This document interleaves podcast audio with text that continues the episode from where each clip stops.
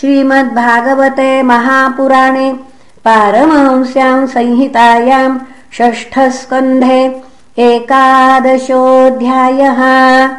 श्रीशुक उवाच त एवं शंसतो धर्मं वच पत्युरचेतसहां नैवा गृह्णन् भयस्त्रस्ता पलायनपरा नृपो विशीर्यमाणाम् पृतनामासुरीमसुरर्षभः कालानुकूलै स्त्रीदशै काल्यमानामनाथवत् दृष्ट्वा तप्यतः सङ्क्रुद्ध इन्द्रशत्रुरमर्षितः तान्निवार्यौजसा राजन् निर्भत्सेदमुवाचः किं व उच्चरितैर्मातुर्धावद्भिः पृष्ठतो हतैः। न हि भीतवदश्लाघ्यो न स्वर्ग्यः शूरमानिनाम् यदि वः प्रधने श्रद्धा सारं वा क्षुल्लकार्हिदि अग्रे तिष्ठतमात्रम् मे न चेद्ग्राम्यसुखे स्पृहा।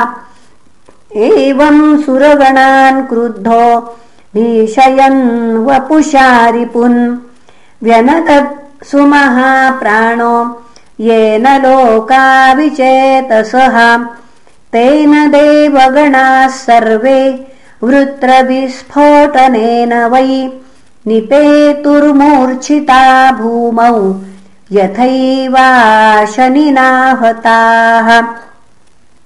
ममर्दपद्भ्याम् सुरसैन्यमातुरम् निमीलिताक्षम् रणरङ्गदुर्मदः।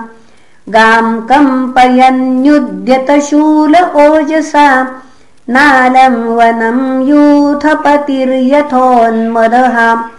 विलोक्यतम् वज्रधरोत्यमर्षितः स्वशत्रवेभिद्रवते महागदम्। पुनः महागदाम्।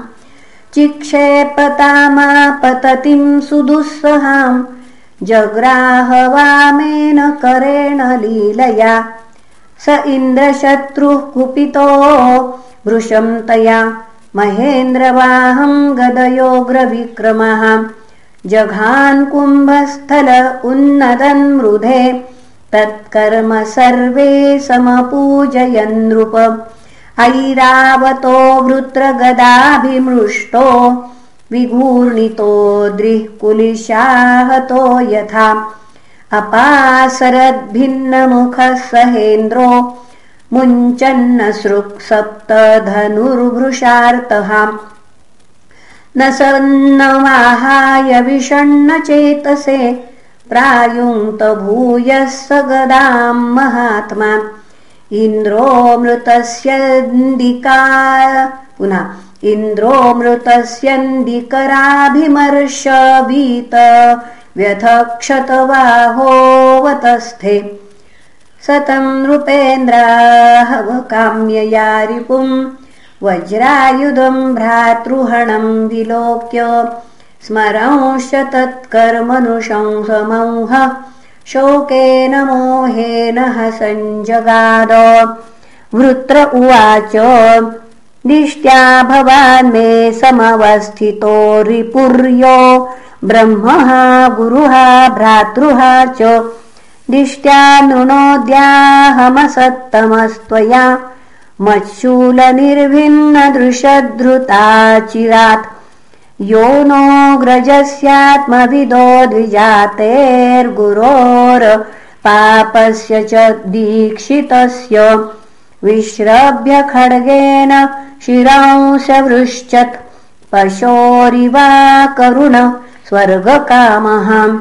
श्री श्रीदया कीर्तिभिरुज्झितम् त्वाम् स्वकर्मणा पुरुषादैश्च गर्ह्यम् कृच्छ्रेणमशूल विभिन्नदेहमस्पृष्टवह्निम् समदन्ति गृध्राः अन्येनु ये त्वेह नृशंसमज्ञाम् ये युध्यतास्त्रा प्रहरन्ति मह्यम् तैर्भूतनाथान् सगणान्निशातस्त्रिशूल निर्भिन्नगलैर्यजामि।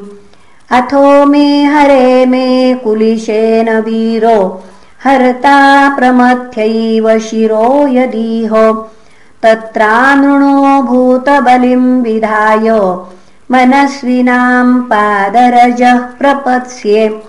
सुरेश कस्मान्न हिनोषि वज्रम् पुरस्थिते वैरिणिमय्यमोघम्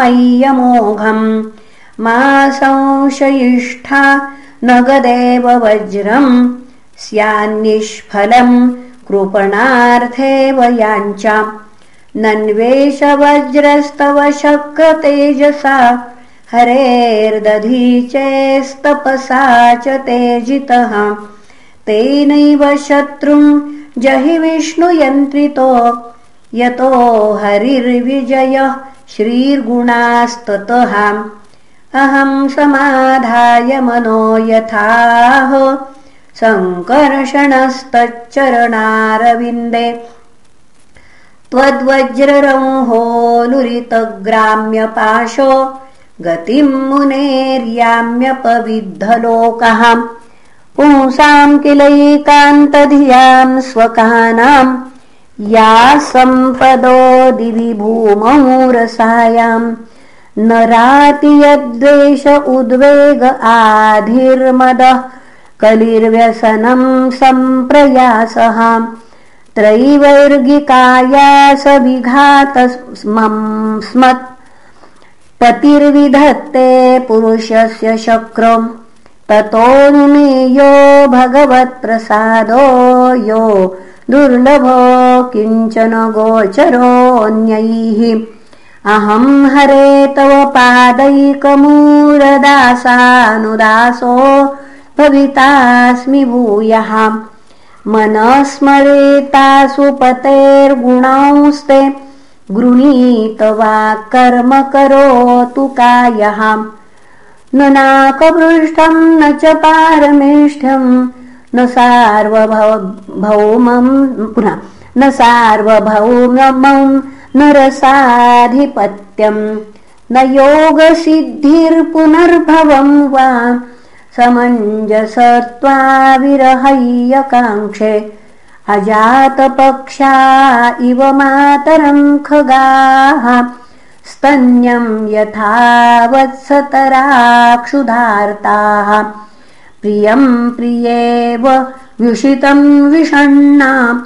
मनोरविन्दाक्षदिदृक्षते त्वाम् ममोत्तमश्लोक जनेषु सख्यम् संसारचक्रे भ्रमत स्वकर्मभिः त्वन्माययात्मात्मजगादारगेः श्वासक्तचित्तस्य न नाथ भूयात् इति श्रीमद्भागवते महापुराणे पारमहंस्याम् संहितायाम् षष्ठस्कन्धे वृत्रस्येन्द्रोपदेशो नामैकदशोऽध्यायः श्रीकृष्णार्पणमस्तु।